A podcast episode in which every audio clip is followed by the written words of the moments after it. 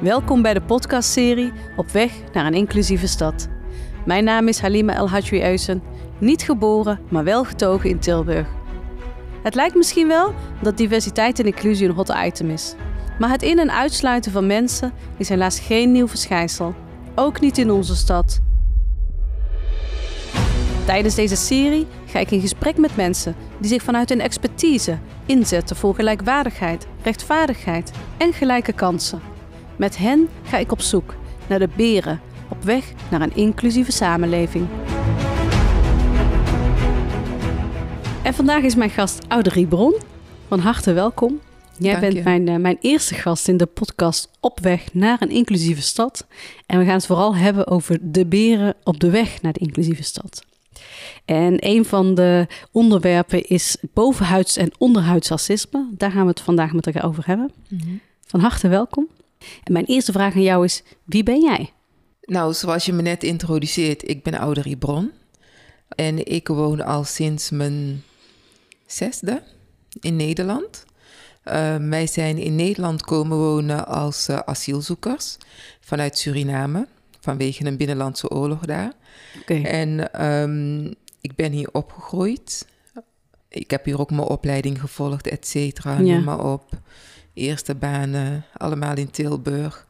En eh, nu werk ik in het veld van diversiteit en inclusie. Ja, want jij werkt jouw dagelijks eh, eh, bij Radar, hè? het antidiscriminatiebureau. Ja, En jij werkt voor jezelf. ja, ja allebei. allebei. Ik werk voor Radar, dat is de grootste antidiscriminatiebureau eh, in Nederland. Er zijn er 22 eh, in Nederland die zich inzetten aan de beginsel voor inclusie. Want zoals jij en ik wel weten, maar andere mensen misschien iets minder, Ja. is diversiteit is een gegeven. Daar hoeven we het niet te lang of te breed over te hebben. Het is gewoon een feit. ja, het is er gewoon, hè? Het is er gewoon. Ook in Tilburg. Ehm, wij kennen elkaar omdat we Ja. van onze jeugd, wij zijn in dezelfde buurt opgegroeid. Dus daar hebben wij diversiteit heel veel gezien. Het is er gewoon. Alleen is er vaak ook, zijn er nog verschillende vormen van uitsluiting. En daarom heb je dan antidiscriminatiebureaus nodig. Maar los daarvan, want je zegt het net zelf al. Ik werk bij Radar, maar ik, ben ook, ik werk ook nog voor mezelf Ja. eh, als eh, ZZP'er. En, wat doe je dan? Nou, ik ben in diversiteit, inclusie en in het Engels zouden ze zeggen equity. Equity. Equity. Wat is het En Nederlandse woord daarvoor? Gelijkwaardigheid. Ah. Gelijkwaardigheid slash rechtvaardigheid. Ja, want dat is Ehm, het DIG, wat er wordt gezegd, hè? ja. D-I-G. Ja, dig, waar ze het dan over hebben. Dus dat is dan diversiteit, inclusie, gelijkwaardigheid. En Global Communication Expert. Omdat Oh, ik nou. heb ook nog het communicatiedeel, pak ik. Ja, want jij bent ook internationaal actief, hè? Maar daar gaan we Ja. dadelijk eh, ga- gaan we daar verder eh, over praten. Want jij, eh, eigenlijk wat me gelijk triggerde bij jouw introductie, is dat je zegt: Ik ben asielzoeker uit Suriname. Ja, Als ik denk aan asielzoekers, Mhm. denk ik niet aan mensen uit Suriname. Dan denk ik eerder aan mensen, mensen uit Suriname, zijn mensen die vanuit de kolonie hier naar Nederland zijn gekomen. Leg even, even, licht het even toe. Inderdaad, wat je net aangeeft. Heel veel mensen, als ze denken aan Suriname, dan denken ze: oh, daar is geen oorlog geweest, Mhm. et cetera. Eh, vooral de wat jongere mensen. De wat oudere mensen zullen het zich misschien wel kunnen herinneren. Want in 1975 heeft Suriname toen zijn, hoe moet je dat zeggen, independency gekregen. Is een Zo'n onafhankelijkheid. onafhankelijkheid gekregen. En daarna, eh, enkele jaren daarna, ehm, is eigenlijk eh, de Binnenlandse Oorlog uitgebroken. Ja. En het is een oorlog, zoals ik het woord net zeg, binnenland, die voornamelijk werd gevoerd in het binnenland. En Ehm, bedoel je daarmee dat het een burgeroorlog was? ja, zo, zo, zo kun je het eigenlijk wel zien, eh, min of meer. Omdat de oorlog eh, die er toen ontstond, die, die er toen was, Mhm. was tussen uh. Ik haal een stukje historie Ja. hiermee naar voren. Want dat verhaal kennen we weer wel, hè? De decembermoorden. Ja, precies. Maar niet dat er achter de decembermoorden ook nog bepaalde eh, bevolkingsgroepen eh, zitten die daaronder hebben geleden. En dan ook expliciet. Want eh, de Binnenlandse Oorlog die heeft plaatsgevonden Ja. in de Marowijnengebied. Dus als je van de richting Kommerwijnen naar Marowijnen gaat, voor de mensen die Suriname wat kennen, dan ga je naar het binnenland. Vandaar dat ze het noemen de Binnenlandse Oorlog. En, en waarom moest jouw familie vluchten? Nou, mijn familie moest vluchten omdat wij uh, verwant zijn aan Ronnie Brunswijk. De oorlog was tussen Boutussen, mm Daisy Boutussen en Ronnie Brunswijk. En mijn vader, die is nu al wijlen, hij is al mhm. overleden. Um, hij, is, hij was een neef van Ronnie Brunswijk. En hij zat zelf ook nog in het leger. Uh, eigenlijk ook onder Boutussen, maar op het moment toen de oorlog uitbrak, mm zat mijn vader in het binnenland bij zijn familie. En hij ging niet terug, want dan heb je een soort van familie-eer. Ja. Dat je je familie niet verraadt. Maar ook vooral niet als, je, als het, de, het beeld nog niet helemaal duidelijk is van wat gebeurt hier. Dus mijn, wij woonden in de stad. Ja. En zo noemen Surinamers dat, de stad. Maar dat is Paramaribo, de hoofdstad. Ja. Wij woonden toen in Paramaribo. Een broertje van mijn moeder die werd opgepakt. Omdat ze dachten dat hij mijn vader was. En hij is ook gemarteld. En op het moment dat dat, nadat dat was gebeurd, uh, mijn oma moest hem uit de gevangenis gaan halen. Met bewijs van de persoon die jullie hebben opgepakt. Is dat niet... is niet de persoon die jullie denken dat het is. Dat is niet de persoon. Um, dat is niet Johan Bron, want zo heette mijn vader. Maar dat had jouw vader kunnen zijn dan? Dat had mijn vader kunnen zijn. En op dat moment heeft mijn grootmoeder, mijn overgrootmoeder, dus niet mijn oma, mhm. heeft mijn moeder geadviseerd van ik zou de kinderen pakken en vluchten. Je zit eigenlijk tussen twee vuren. Want als je daar blijft, is de risico dat de volgende keer dat ze terugkomen, dat ze mijn moeder meenemen. Want dan denken ze, als we jou meenemen, dan komt hij wel. En aan de andere kant ga je naar het vuur. En, dus kiezen van de, de minst kwade, als ik het zo begrijp. Ja, en mensen die oorlog hebben meegemaakt, die zullen wel begrijpen waar ik het over heb, mhm. denk ik. Je kunt kiezen om te blijven of om te gaan. Mijn moeder heeft toen de beslissing voor ons genomen om haar kinderen op te pakken. Nadat het wel goed heeft ge gecoördineerd en georganiseerd. En toen zijn we richting de oorlog gegaan. Waar er wel familie zat die ons heeft opgevangen. En het ding bij een oorlog, wat sommige mensen niet beseffen. De mensen die kunnen vluchten, vaak. En dan heb ik het over vluchten over zee, vliegen, et cetera, noem maar op. Ja. Dat zijn de mensen die wat geld of connecties hebben. En het geluk wat wij hadden was niet geld, maar was wel, connecties. Ja, um, want mijn vader, die kende, um, ik weet niet of je ooit van hem hebt gehoord, Eddie Dap. En Eddie Dap. Waarschijnlijk mensen die meeluisteren, die zullen, dat, zullen zijn naam wel uh, kennen. Ja, hij is nu ook, hij is ook al overleden. Hij is ergens ook familie van mijn vader. Ver weg. Ik ken niet alle familiebanden heel direct. Maar hij heeft toen geregeld dat wij vanuit Frans-Guyana, want we zijn vanuit Suriname naar Frans-Guyana gevlucht, hebben bij mijn moeder uh, de oudste zus gewoond. En daar zat ook een asielzoekerskamp. Maar mijn moeder zei: Ik wil naar Nederland met de kinderen. Was dat een logische keuze om Nederland te kiezen? Dat is een logische keuze voor veel mensen vanwege de band die er is geweest met het koloniaal verleden. Mhm. Is dat logisch? Er zijn wel heel veel mensen in Frans-Guyana gebleven, ook familieleden. Maar mijn moeder zei, de kans is er om naar Nederland te gaan. Dat gaan we doen. Ja. En met hoeveel, hoeveel kinderen had ze? Hoeveel broers en zussen? Vier.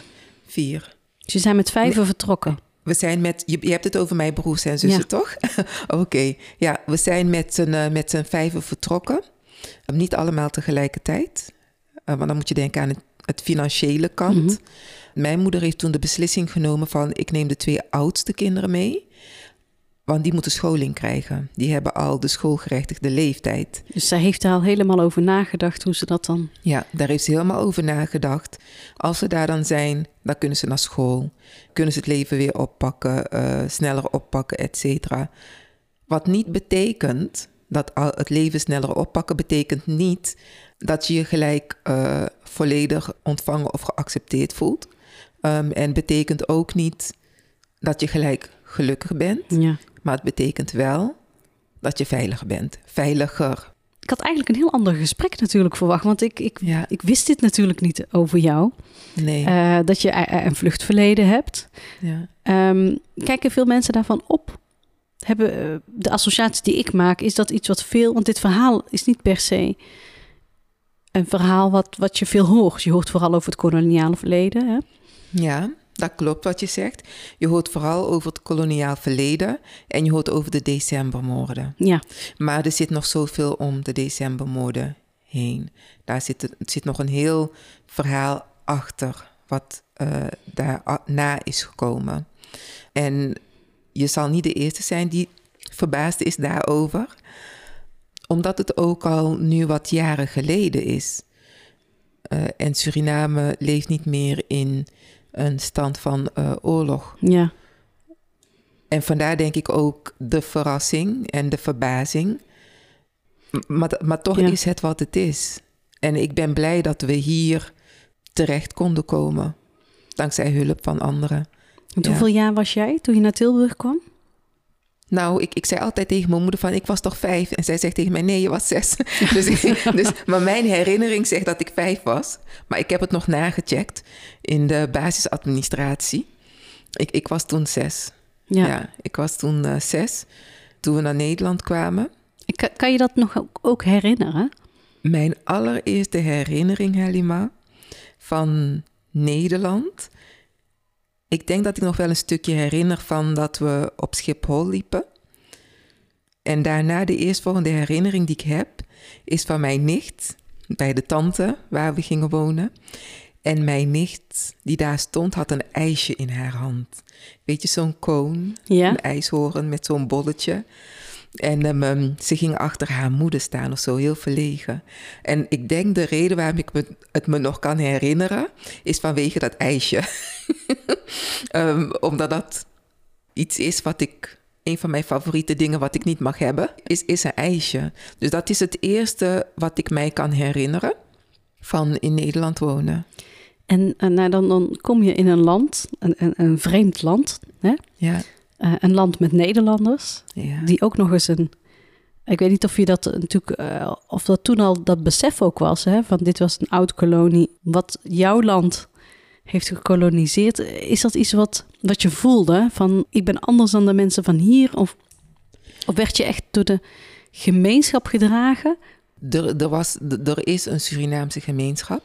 En wij komen van het binnenland. Wij zijn Alkaans. Wij zijn Bosland, Creoolse mensen. Ehm, dus wij hadden wel een gemeenschap die ons opving. Maar als je kijkt breder, was het toch een uitdaging als ik het op mijn individu heb. Op persoonlijke grond was het een uitdaging, omdat ik geen Nederlands sprak. Toen wij hier kwamen wonen. In Suriname worden dus zoveel verschillende talen gesproken. Want er wonen zoveel verschillende bevolkingsgroepen samen. Ja. De enige oorspronkelijke bewoners van Suriname zijn, als ik het zo, als ik, ik wil dan niet het woord Indiaanse mensen gebruiken, want het is geen India. Mhm. De Europeanen dachten dat ze India, een korte route naar India hadden gevonden, dus noemden Daar ze de mensen. Indianen. Inheemse mensen met hun een eigen, met ieder stam, als ik het woord stam mag gebruiken, een eigen naam, hun eigen achtergrond, et cetera. Maar om terug te komen op jouw vraag, toen wij in Nederland kwamen wonen, sprak ik geen Nederlands. Ik sprak Aukaans, Okanishi, Tongo. En ik moest Nederlands leren. En ik ben ook één keer blijven zitten. En ik weet nog, op een gegeven moment mocht mijn moeder ook geen, geen, ook geen Aukaans met ons praten. Van wie mocht ze dat niet? Van, de, van school, van de leren, van, van, de, van de onderwijsprofessionals. En ik zeg Okanishi Tongo, een ander woord is ook een Juka Tongo. Maar wij mochten dat niet praten thuis, omdat dat niet bevorderlijk zou zijn voor de Nederlandse taal. En om heel eerlijk te zijn, voelde ik daardoor een soort. Ik wilde me er heel erg tegen afzetten. Ik voelde me daardoor niet gelijk thuis. Voel je dat als kind? Ja, dat voel je echt wel als kind van het is anders. Ik weet niet of jij in jouw opvoeding eh, gelijk Nederlands sprak als kind zijnde. Nee, mijn ouders spraken ook geen Nederlands. Nee, Dus wij spraken vooral Marokkaans ja. met mijn ouders. Nog Ja. steeds. En hoe, hoe is dat voor jou gegaan? Nieuwsgierigheid? Ja, Vraag? nou ja, ik, ik had wel oudere broers die heel veel Nederlands praten met elkaar. Ja. Dus eh, ik ben de vijfde. Mhm. wij praten nog steeds eigenlijk onderling vooral alleen maar Nederlands met elkaar. Ja. Behalve met onze ouders. Mhm. En soms merk ik dat wij onderling een gesprek hebben die mijn ouders niet volgen, kunnen volgen. Mhm. Ja. Dus dan dan gebeurt er, gebeurt er een soort onbewuste uitsluiting andersom ook weer. Ja. Hè, dat zij de taal van de kinderen niet kennen. Dus mijn ouders, mijn vader vond het heel belangrijk dat we wel Marokkaans bleven spreken. nou ja, wij spreken het Tamazight. Mhm. Hier in Europa wordt er gezegd Berbers, maar dat is weer iets waar ik me tegen afzet. Maar onderling is het vooral Nederlands nog steeds. Ja. Bij ons is het ehm, onderling een mix. Mhm. Dus het is, en ook als we grappen maken, et cetera, dan grijp ik ook snel terug naar het Aukkaans, want dan klinkt het grappiger of het effect Ja. komt beter aan. Maar het is wel iets waar ik me tegen afzette op een of andere manier. Maar hoe ging dat dan bij jou thuis? Als je zegt, ik mocht geen, je kende geen andere taal, maar je mocht niet de oude, zeg maar, je oude taal spreken of je, je, je eigen taal. Nee, dat mocht niet. Dus mijn moeder sprak Nederland. Nee, mijn moeder sprak Aukkaans. En wij antwoordden altijd in het Nederlands. En dat is eh, heel lang zo gegaan ook. Ik weet niet meer op welke... Het, het- het- wel in mijn tienerjaren. Toen ging ik ook echt op zoek naar mijn heritage, mijn achtergrond. Mhm. Die nieuwsgierigheid was... Die drang was zo sterk aanwezig. En dat ik bij mezelf dacht... Ik zag ook bijvoorbeeld Turkse kinderen. Ik zag Marokkaanse kinderen. En die spraken Turks, of. Marokkaans, ja. of Marokkaans of een van de Marokkaanse talen. En ik dacht dan bij mezelf, waarom mag ik dat niet? Dus op een gegeven moment ging ik het wel gewoon praten. Ik werd soms wel uitgelachen, want ik moest het ook bepaalde dingen opnieuw leren. En ik, ik, ik, ik, ik werd niet per se uitgelachen, maar moet ik zeggen toegelachen. Ik weet niet wat Mhm. het juiste woord is om, om het te noemen, omdat je dingen dan verkeerd zegt. Maar dat hield mij niet tegen. Want ergens voelde ik van, het is onderdeel van mij. Maar is taal niet gewoon een stukje identiteit wat je niet, eigenlijk niet af mag pakken? Dat ben ik met jou eens. Ik hoor jouw verhaal en identificeer mezelf daar ook in. Dat ik heel lang ook het gevoel heb gehad dat mijn moedertaal Mhm. ondergeschikt is. Of zelfs, ja, ik weet niet wat het juiste woord is, maar het was iets wat haast gelijk stond aan onbeschoft, aan, aan om in je moedertaal te spreken. Dus, Ja. eh, dus dat minderwaardigheidsgevoel in taal, Ja. dat, dat zijpelt nu nog steeds door als mijn moeder mij belt. Mhm. Ik een rustig plekje opzoek Ja. om in het Marokkaans met haar te praten. Van dat mag jij niet praten. Het hoort niet. Het hoort niet. Het hoort niet in de Nederlandse maatschappij. Maar het is wat we net al, waar we het net al eerder over hebben gehad. En als we praten over diversiteit, dan is taal onderdeel van diversiteit. En dan is taal onderdeel van identiteit. Dat is ook weer een gegeven, het is ook weer een feit. Waar je diversiteit hebt, zul je ook een verschillende, verschillende talen hebben. Maar de manier waarop het wordt gebracht, zijn alle talen die niet Europees zijn, ondergeschikt aan de Nederlandse taal. En, dat, en dat betekent dat ook de mensen die die taal spreken ondergeschikt zijn aan. Ja, de norm. Ja. Want de norm is Nederlands of Westers, Europese talen. Het gaat zelfs zo ver dat het voelt als goed en slecht of zo. Ja, inderdaad. Inderdaad wat je aangeeft. Het gaat zelfs zo ver, want dan ga ik even terug over de Atlantische Oceaan. Ja. Gaan we even naar Suriname. Ehm, dat je daar in de scholen, omdat het een kolonie is geweest van Nederland en de formele taal is Nederlands. De officiële taal is Nederlands. Dat je ook Dus het algemeen beschaafd Surinaams is Nederlands. het algemeen. Je zegt het goed en, en daarbij gaat er ook gelijk. ik Er zie gebeurt wat. Er gebeurt wat bij mij en volgens mij ook wel bij Ja. jou. Dat het niet kan kloppen. Maar het is de taal van kolonialiteit. Is dat het juiste woord? Is dat niet ook gewoon tegelijkertijd de pijn van kolonialiteit? Ja. Het, het, is, het, is, het is een pijn. Want de taal mag je niet praten. En dan moet je je voorstellen dat in Suriname... dat je daar ook voor gestraft wordt. er is een onderzoeker, het Cummings. Mhm. Ehm, en hij is, ehm, zijn expertise is in meertaligheid. En hij legt uit van als een kind tijd kan lezen of tijd kan begrijpen ja. in zijn of haar eerste taal, in de eerste taal van die persoon. Als ze de logica daarachter goed begrijpen, dan kunnen ze dat ook makkelijk in een andere taal. Dus het hoeft geen probleem te zijn. Ja, en dat is ook eh, inderdaad het idee van ja, als je, als je thuis een andere taal spreekt, dan heb je eigenlijk al bij voorbaat achterstand. Ja. En alles wat erbij hoort. ja, terwijl dat niet zo hoeft te zijn. Nee. Eh, hoe was, zag jouw klas eruit bijvoorbeeld? Nou, Want jij zei ik was de enige die Surinaams was. nou in, in, wij gingen eerst in West wonen. En in West, waar wij woonden, woonde een grote Marokkaanse bevolkingsgroep. Mhm. Dus daar had ik een. En daar had, je dan, had, ik- had ik ook nog mijn nichten en mijn neven. Dus dat was wel gemengd. Het was een, een gemengde school, Mhm. gemixte school. En toen ik in Tilburg Noord kwam wonen, toen ging ik eerst naar de Tweesprong. En dat is een school die nu niet meer bestaat, volgens mij. Die kan ik me nog herinneren. Ja, maar de Tweesprong was een hele gemixte school. Daar had je zoveel verschillende bevolkingsgroepen. Dus ik voelde mij daardoor niet een buitenbeentje of zo. Mhm. ik, voel me, ik voelde me daardoor niet per se anders.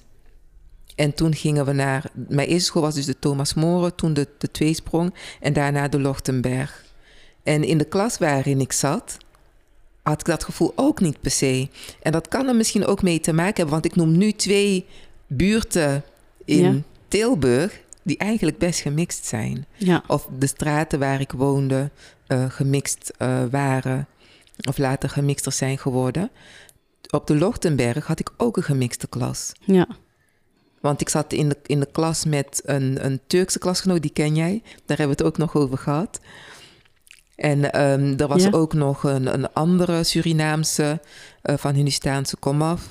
Er was ook nog een Antilliaanse. Dus, maar voor de rest was het wel volgens mij en, en, en een, een Indonesische. En voor de rest was het eigenlijk toch wel wit. Ja. In mijn klas dan, hè. Mhm. Maar ik was niet de enige. Ik denk, des te hoger je gaat qua opleiding, des te witter het wordt. En, en is het dan ook dat je je dan ook des te meer anders voelt? Of werkt dat niet zo?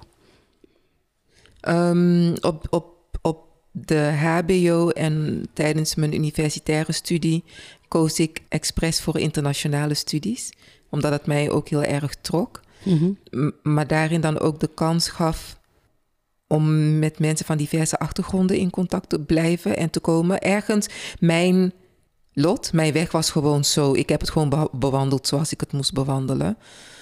Maar des te hoger je komt qua opleiding, des te witter het eh, veelal wel wordt. Ehm, maar dan ga je ook bepaalde gesprekken hebben. En dat is dan tijdens mijn laatste studie geweest. Management of Cultural Diversity hier aan Tilburg Universiteit. Dan ga je het ook over maatschappelijke vraagstukken hebben. Die gelinkt zijn aan identiteit. Ehm, en dan kom je er wel achter dat medestudenten anders kijken. Naar de wereld ook kijken naar hun identiteit. En dan heb ik het over mijn zwarte identiteit als zwarte vrouw zijnde, hoe ik dat zie. Maar hoe zij hun identiteit zien eh, als bijvoorbeeld van de witte bevolkingsgroep. Ja, En bepaalde dingen waar ze aan vast eh, willen houden. zoals? Het Zwarte Piet-traditie. Wat eigenlijk geen Zwarte Piet-traditie is, want het is Sinterklaasfeest. Mhm. En de Zwarte Piet is de sidekick. maar dat die dan zo belangrijk voor hun is, in hun beleving van wat feest zou moeten zijn, wat een ander diep kan kwetsen. Ik, ik, kan, ik kan me nog herinneren dat we tijdens een van onze colleges hadden, en dat was, je weet wanneer, oktober, november. De des te spanning wordt opgebouwd. Ja.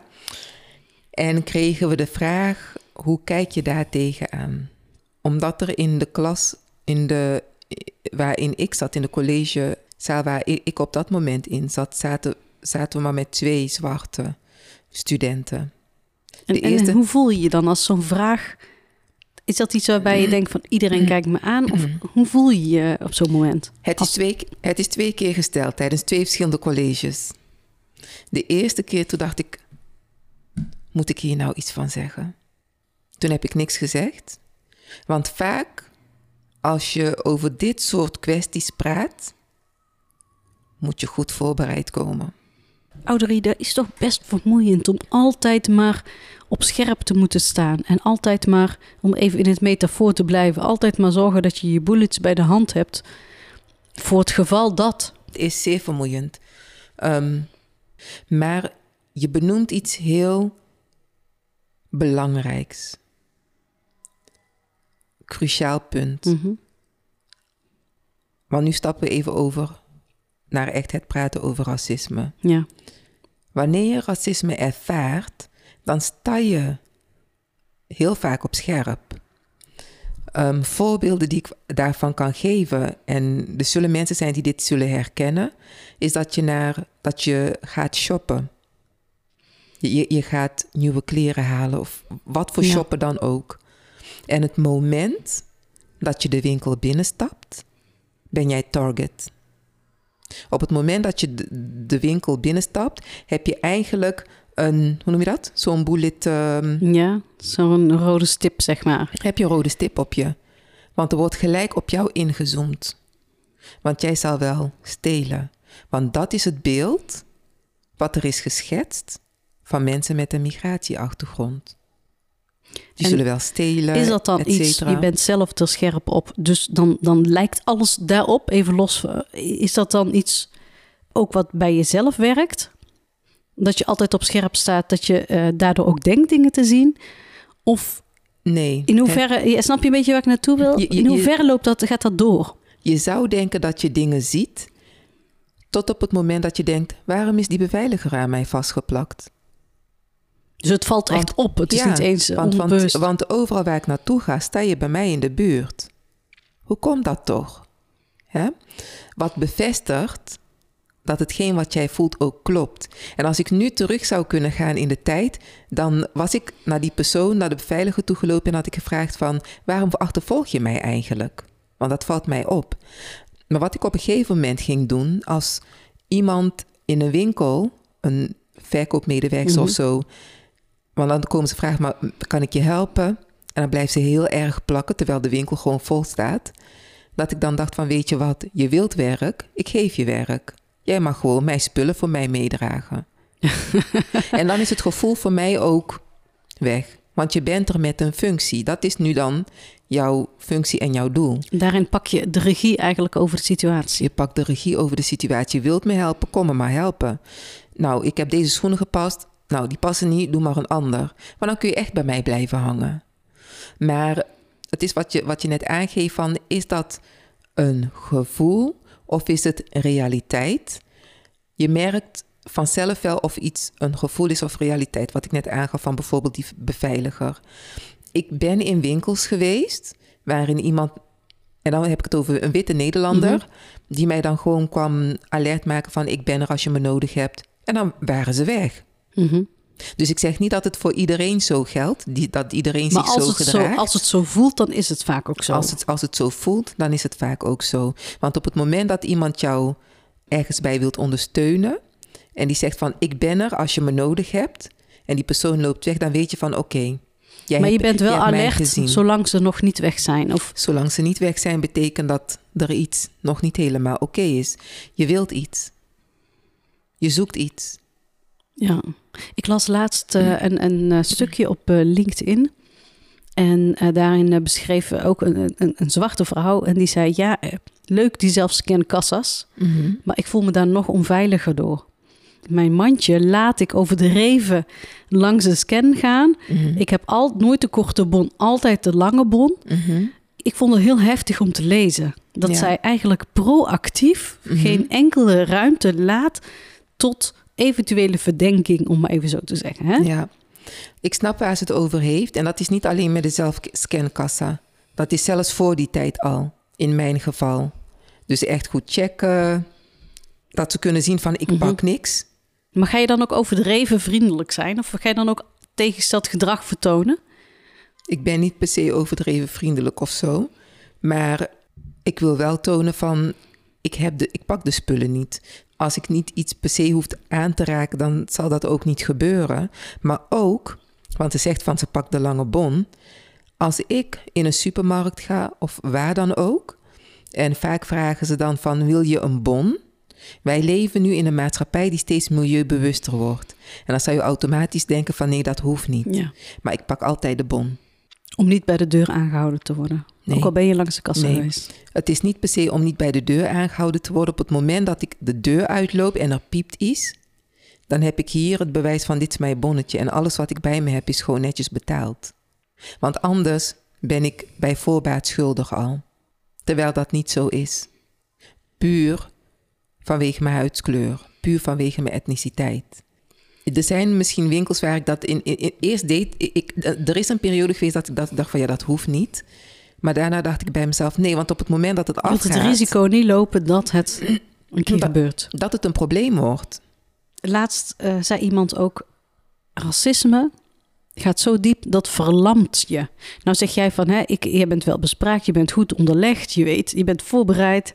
Jouw zak van munitie is, is goed gevuld. Hè? Mhm. Dus eh, je kan met jou echt een, een goed gesprek voeren en je kan ook altijd de juiste antwoorden geven. Maar Niet altijd.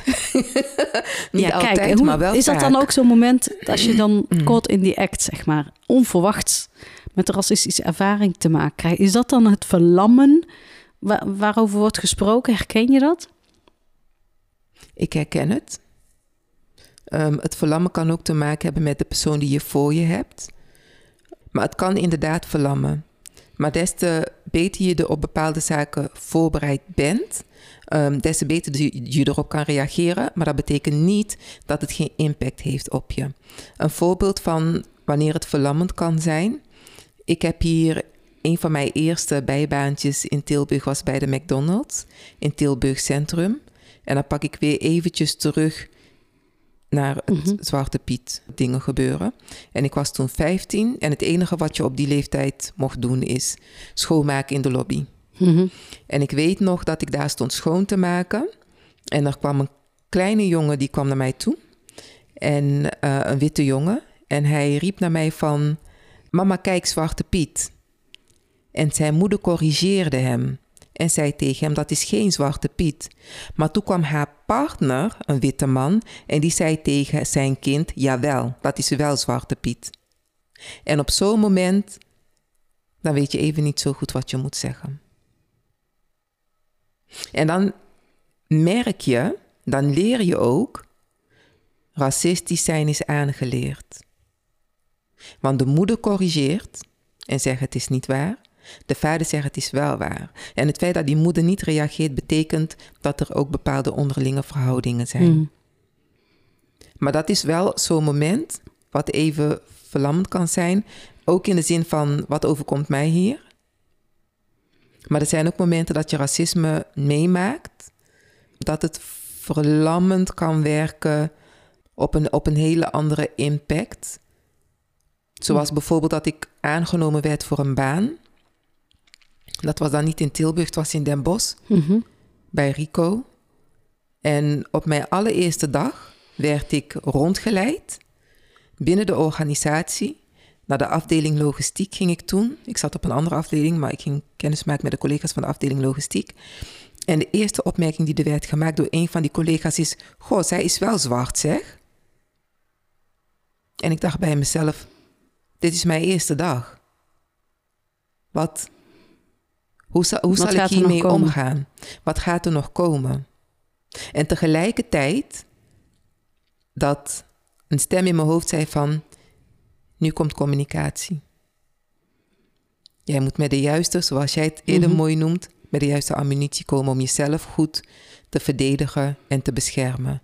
Want ze zullen het met woorden altijd proberen. Hetgeen wat ze niet met fysieke agressie kunnen doen, zullen ze met woorden proberen om je te kwetsen, om je omlaag te halen, om je zodanig te verlammen Mhm. dat jij je werk niet fatsoenlijk kan uitvoeren. Maar waarom doen mensen dat? Zijn mensen zo eh, evil gebakken? Of zit dat, is dat iets wat in ze zit? Waarom? Sommige mensen zijn gewoon evil, Helima. Maar niet allemaal.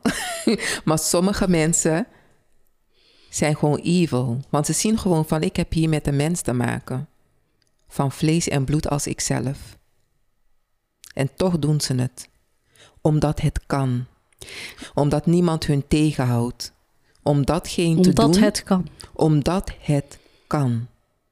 Want op, stel je voor, wij leven in een land waar de regel is dat jij niet mag discrimineren. Je mag niet racistisch zijn, et cetera. Toch? Artikel 1. Ja, en het is ook, zit ook binnen de organisatie. Het zit in ons aller systeem. Want niemand wil een racist genoemd worden. Niemand wil een racist genoemd worden, maar toch gedragen ze zich racistisch, omdat het kan. Omdat er dan niemand is die zegt van, wat ben jij hier voor gekke dingen aan het zeggen? Wat is dat gedrag wat jij hier vertoont? Dit hoort niet bij de cultuur van ons. Zo moet jij je niet gedragen. Die is er niet. Die, of de, die is er niet voldoende. En op het moment, want daar gebeurde toen ook iets interessants, want de collega die mij aan het rondleiden was, die heeft haar daar wel op gewezen. Van jij kunt duidelijk zien, Audrey is een donkerbruine vrouw. Zij is bruin. Ik noem mezelf wel een zwarte vrouw. Mhm. zij, zij is een bruine vrouw. Maar hetgeen wat jij hier zegt, heeft geen toegevoegde waarde voor wat zij hier binnen de organisatie komt doen.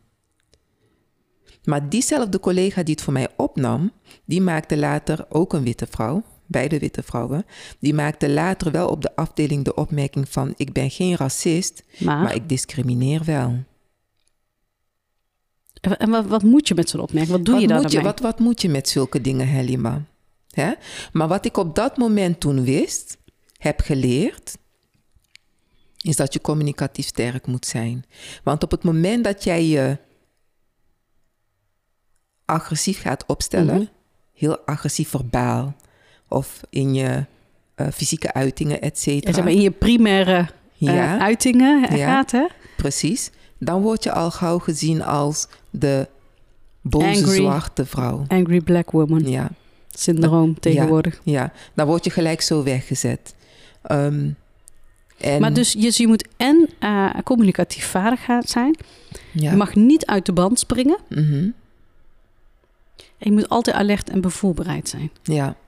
En niet uit, niet, je mag niet uit de band springen. Kijk, met alle eerlijkheid, een mens is een mens.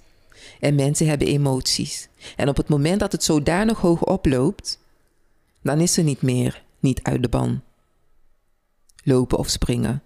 Dan is het gewoon reageren met emotie. Omdat dat dan gewoon net de druppel is geweest die ervoor zorgt dat, dat, dat er agressie uit de emmer springt. Dan komt zeg maar die, die oerbrein van vechten, vluchten of verlammen, die wordt aangezet. En Precies, dan... dan is het vechten. Ja. Want je wil dat datgene wat jou kwetst, dat het stopt. Maar om terug te komen bij hetgeen wat je um, in eerste instantie uh, aangaf, en dat was uh, volgens mij van het verlammende effect. Want daar zijn we volgens mij gestart. Ja, want laat zij ook iemand van uh, racisme voelt al letterlijk voor ons lijf, die geen context kent, hè, mm-hmm. als een letterlijke klap in je gezicht. Ja, stress, klap, agressie. Want onze brein, onze pijncentrum, die ervaart woorden ook als pijn. Niet alleen het fysieke die, pijn. Die maakt geen onderscheid tussen de fysieke en het mentale of de verbale, of fysieke uh, geweld. Het doet pijn. En de pijn van woorden kan vaak nog langer naebben. Beide kunnen traumatisch zijn. Fysiek racistisch geweld en verbaal racistisch geweld kunnen nog na. Dat wordt gewoon mm wordt trauma. Ja. En mensen worden er ook letterlijk ziek van. Ja, het, fysiek het verandert mensen ook. Het verandert mensen, maar je wordt fysiek ziek. Hetgeen wat mentaal doorwerkt in jouw lichaam. De stressoren. Dus je wordt er echt gewoon fysiek ziek van. Er is recentelijk onderzoek heeft uitgewezen dat op mentaal niveau zou het zelfs zodanig kunnen doorwerken dat omdat je constant op scherp staat, omdat je constant aan het balanceren bent, dat het op mentaal niveau zelfs kan leiden tot vroegtijdigere dementie bijvoorbeeld. Want je, bent, je staat constant onder druk. Je bent constant aan het balanceren. Je bent constant in de stress. Je bent ik weet niet of je, of, of je het woord code switching kent, want dat is ook iets wat daarin speelt. Je bent constant aan het switchen tussen hoe jij je in de maatschappij moet bewegen om je überhaupt wat veilig te voelen. Ja, ja. Ik ga, ik ga vaak wandelen met mijn partner en mijn partner is een witte man. En soms wandelen we ook over bepaalde stukken, loop je langs een boerderij, et cetera. En ik weet dat ik een keer een opmerking tegen hem maakte van... ik zou hier niet alleen willen wandelen. Ten eerste omdat ik een vrouw ben... Mhm. en ten tweede omdat ik een zwarte vrouw ben.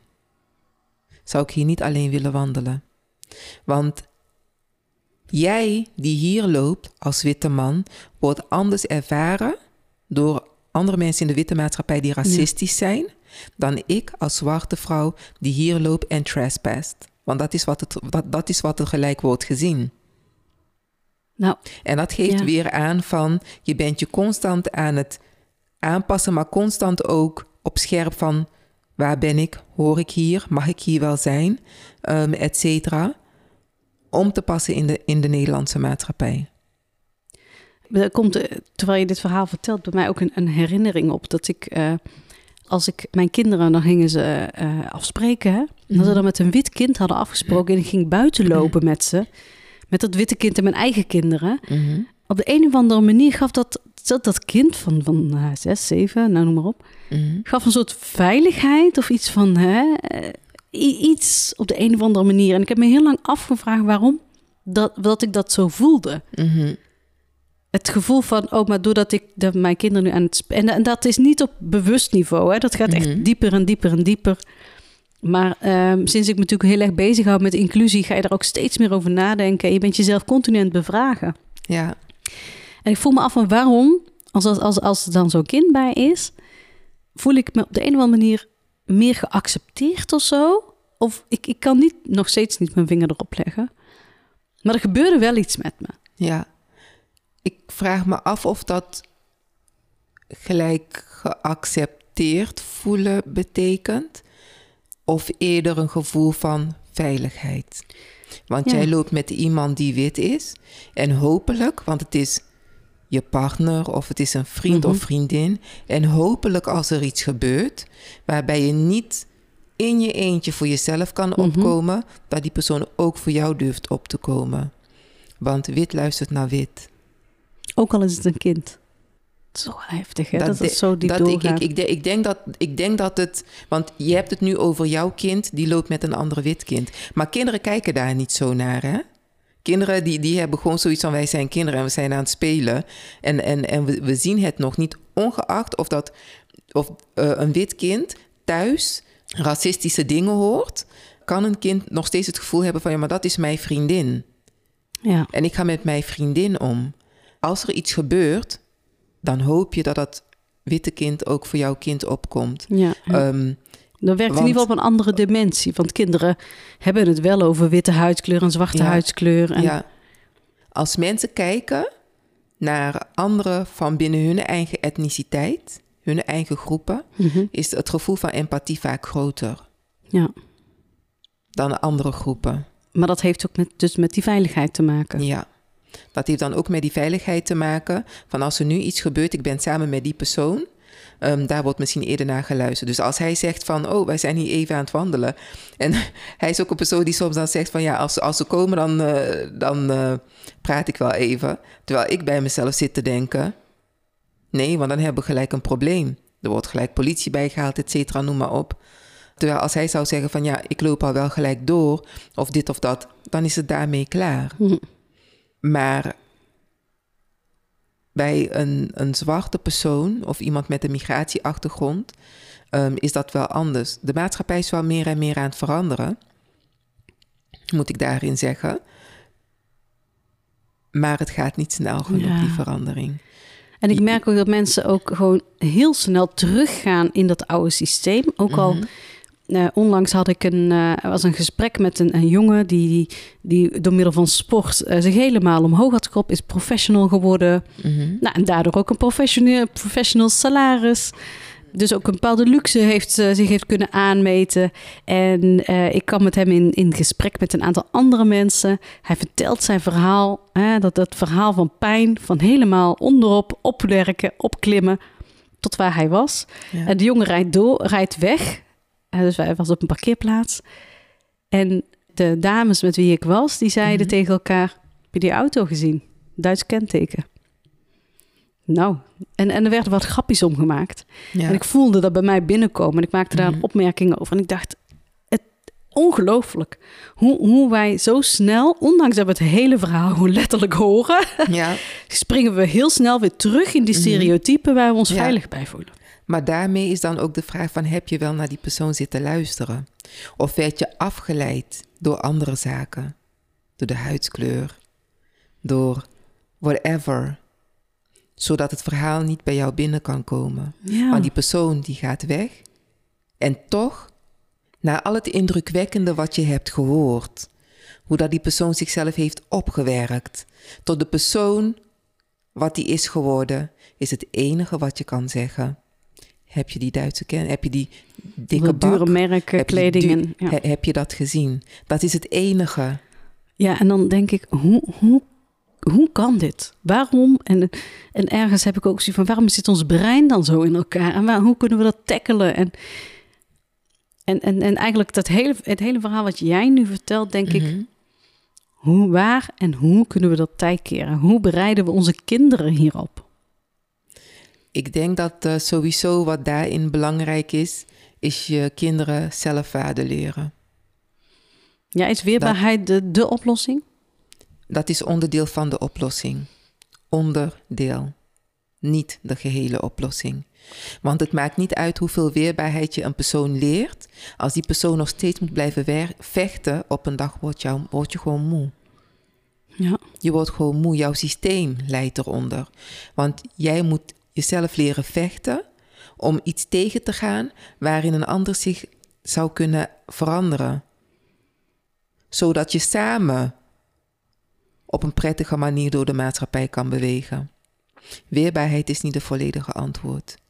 De antwoord zit in de verandering van de mensen die de daders zijn van het geweld, verbaal of fysiek. De stereotypen, vooroordelen, etc. Dat die tot correctie worden geroepen. Die, wo- die moeten gecorrigeerd worden. door wie? Door hun eigen, door, ook door de witte bevolking, als dat hetgeen is waar ze eerst naar luisteren. Maar ook door anderen in Ze hebben een eigen peergroep, om maar zo te zeggen. Door hun peergroep. Een, een witte man die een andere witte man aanspreekt op eh, seksisme of op racisme. Of, of een witte vrouw. Van wat jij daar doet is niet normaal. Het is niet oké. Maar hoe Want leren, zolang- we, hoe leren we de mensen elkaar aanspreken op dit gedrag? Want niemand durft het ook, hè? Op Ik de zou- een of andere manier. Ik, ik zou niet zeggen niemand durft het. Ik zou eerder zeggen, het, het zijn twee dingen. Want er zijn mensen die het wel durven. Mhm. En die gewoon een ander aanspreken en zeggen van, "Daar- jij moet daar nu mee stoppen. Het gedrag wat jij vertoont in mijn bijzijn, daar kan ik niet tegen stop daarmee. Maar er zitten natuurlijk ook mensen tussen die gewaardeerd willen blijven worden door die peergroep en door degene die de dader is, die andere pijn doet. Maar het is een kwestie van mensen bewust maken, verbaal, van wat jij daar doet, dat is niet oké. Ja. Of wat, wat zeg jij nou voor gekke dingen? Gewoon, en dat kunnen hele kleine zinnen zijn.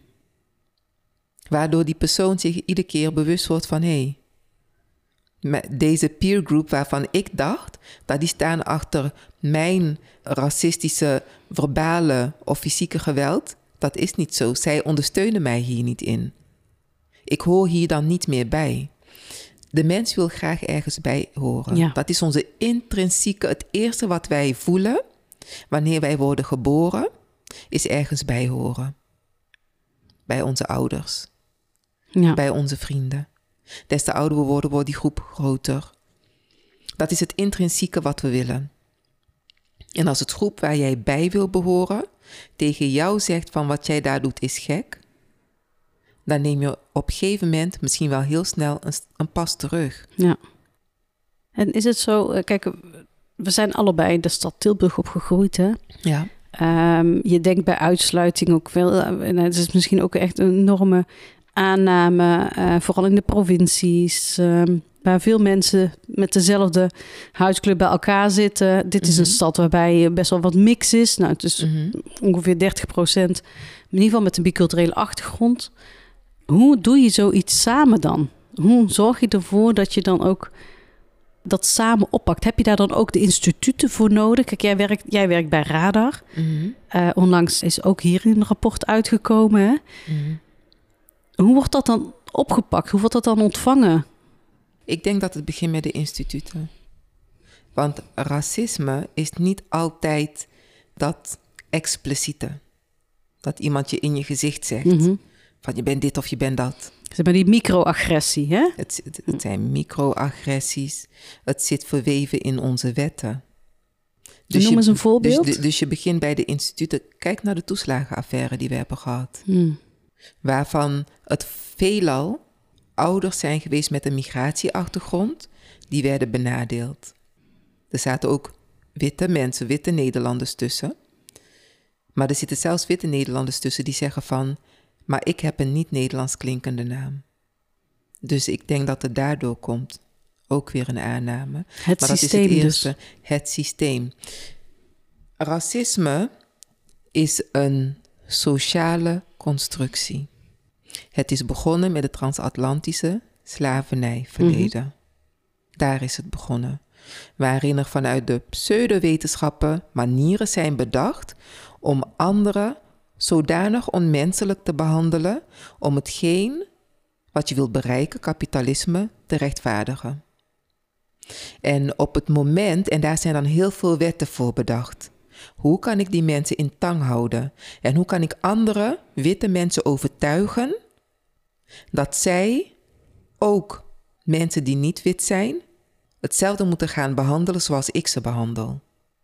Het is, het is gebaseerd op een heel systeem. Het is niet, het is niet eh, incidenteel of zo dat het gebeurt. En daarin moet je dan al gelijk denken aan. Kijk bijvoorbeeld naar segregatie Mhm. in Zuid-Afrika.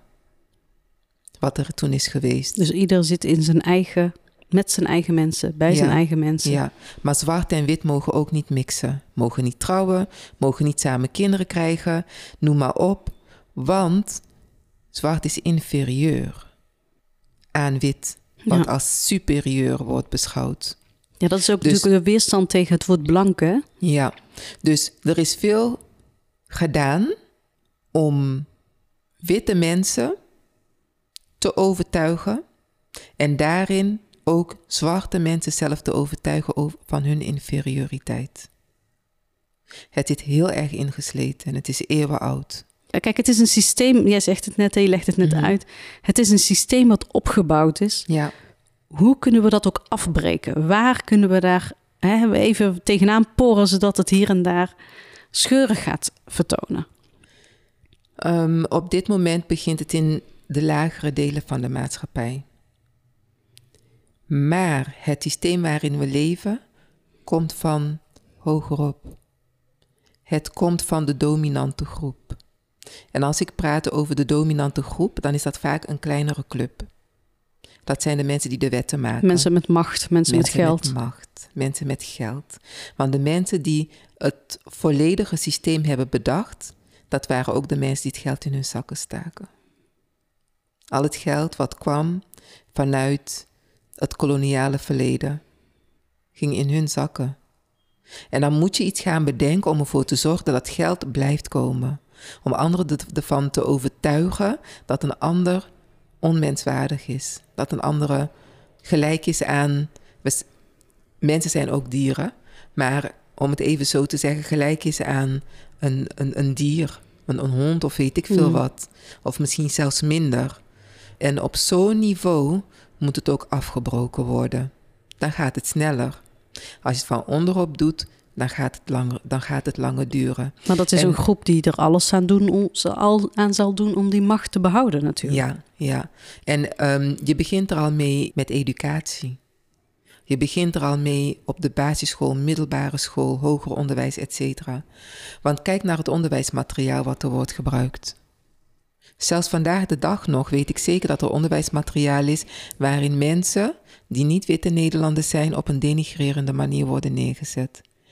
Wat stereotypes blijft vormen en voeden en wat, waardoor dan ook weer vooroordelen ontstaan. Los van het feit van wat mensen thuis meekrijgen.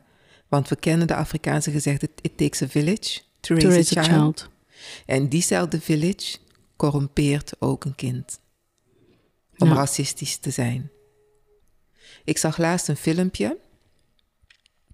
En dat was een meisje en haar moeder een wit meisje uit de Verenigde Staten. En haar moeder vroeg aan haar van, wat wil jij laten worden als je groot bent? En toen zei ze tegen haar moeder van, ik wil een zwarte vrouw zijn als ik later groot ben. Een zwarte, rappende politievrouw. Hele combinatie. Heerlijk. ik vraag me af, maar kinderen hebben hun eigen fantasieën. Uh, fantasieën. Ik wil een zwarte, rappende politieagenten worden. Wat weer aangeeft dat kinderen niet denken in die zin. Zij zien een, een bepaald beeld en denken, nou, dat vind ik, dat vind ik leuk en zo wil ik ook zijn. Dus het hele bewustzijn van inferioriteit en superioriteit zit er dan nog niet. Klassenmaatschappij zit er nog niet. Dat zit er niet. Dat wordt aangeleerd. En uh, draagt uh, zeg maar het, uh, de erkenning van het slavernijverleden, om maar even zo te noemen, draagt dat bij aan die beweging? Aan, dat aan die ontmanteling? 100 procent. De reden waarom ik zeg 100 procent is omdat ik persoonlijk geloof dat als met de afschaffing van de slavernij er al toen gelijk aan was gewerkt, dat de kans op een holocaust die wij hebben gehad in Nederland, in Europa, minder groot zou zijn geweest. Des te langer je erover doet om iets wat inhumaan is te herkennen en te erkennen, des te groter de kans is dat jij een deur openzet op racistische gedragingen. En vandaar dat ik zeg van, als het toen bepaalde dingen al was aangepakt en nu zitten we ondertussen al, de holocaust is nu 85, 80 jaar geleden. Dan zeg ik van, als je aan bepaalde zaken werkt, dan kun je het tegengaan. Als je er um, de erkenning ervoor geeft, dan kun je het tegengaan. En dat wordt niet genoeg gedaan. En vandaar, want dan ga ik terug naar het slavernij, uh, verleden, et cetera. We hebben tot op de dag van vandaag nog steeds slavernij. Dus het systeem is er nog wel alleen? Het systeem is afgeschaft, maar het vindt via illegale praktijken mm vindt het nog plaats. En daarmee, los van die illegale praktijken, omdat het ook niet wordt aangepakt op institutioneel niveau, et cetera, er wordt niet naar wetten gekeken, noem maar op. Kijk bijvoorbeeld naar het etnisch profileren. Is ook gebaseerd op racisme. En dan ga ik terug naar jouw vraag van het herkennen en erkennen en het um, stilstaan bij um, het uh, slavernijverleden. Uh, kan dat bijdragen bij het ontmantelen van racisme? Dan is mijn antwoord volmondig ja. Dat is zeker onderdeel daarvan. Nou, Ouderie, wat, echt wat een mooi gesprek. Graag gedaan en dankjewel dat ik hier mag zijn om uh, dit gesprek met je te hebben. Ouderie Bron, heel erg bedankt. Waar kunnen we meer over jou lezen? Je kunt meer over mij lezen op uh, sowieso. Waar kunnen we je volgen? Je kunt me op LinkedIn volgen. Sowieso. Audrey zonder E. A-U-D-R-Y. Y. Bron. En je kunt ook op mijn website terecht. Ik werk samen met mijn partner. Um, en hij werkt ook in diversiteit en inclusie. Maar hij werkt aan generatiediversiteit. We hebben het net ook een stukje aangestipt, ja. generatiediversiteit. Dus je kunt ons ook terugvinden op www.bontekoning-bron.com. Bonte Koning. Toen wij in de voorbereidingen hier, hierop zeiden, ja, racisme is nooit leuk om over te praten. Eh, dat je toch een, een, een, spannend, toch een spannend onderwerp vond. Mhm. En, en, en ook beladen natuurlijk. En tegelijkertijd ben ik enorm dankbaar dat we het hier toch wel over hebben gehad. Mhm. Ergens, uh, wij kennen elkaar van de kindertijd en ergens Ja. zitten we weer achter in die bus van de BBA Ja, dit gesprek te voeren. dus ehm, ja, heel erg bedankt daarvoor. graag gedaan. En dank je wel.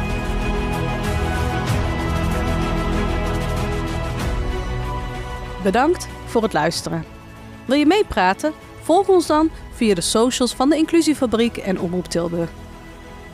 Deze podcast is tot stand gekomen met ondersteuning van het Tilburg Mediafonds en in samenwerking met Omroep Tilburg. De productie is een initiatief van Halima Alhadji Euzen, oprichter van de Inclusiefabriek. Wil je meer horen over dit thema?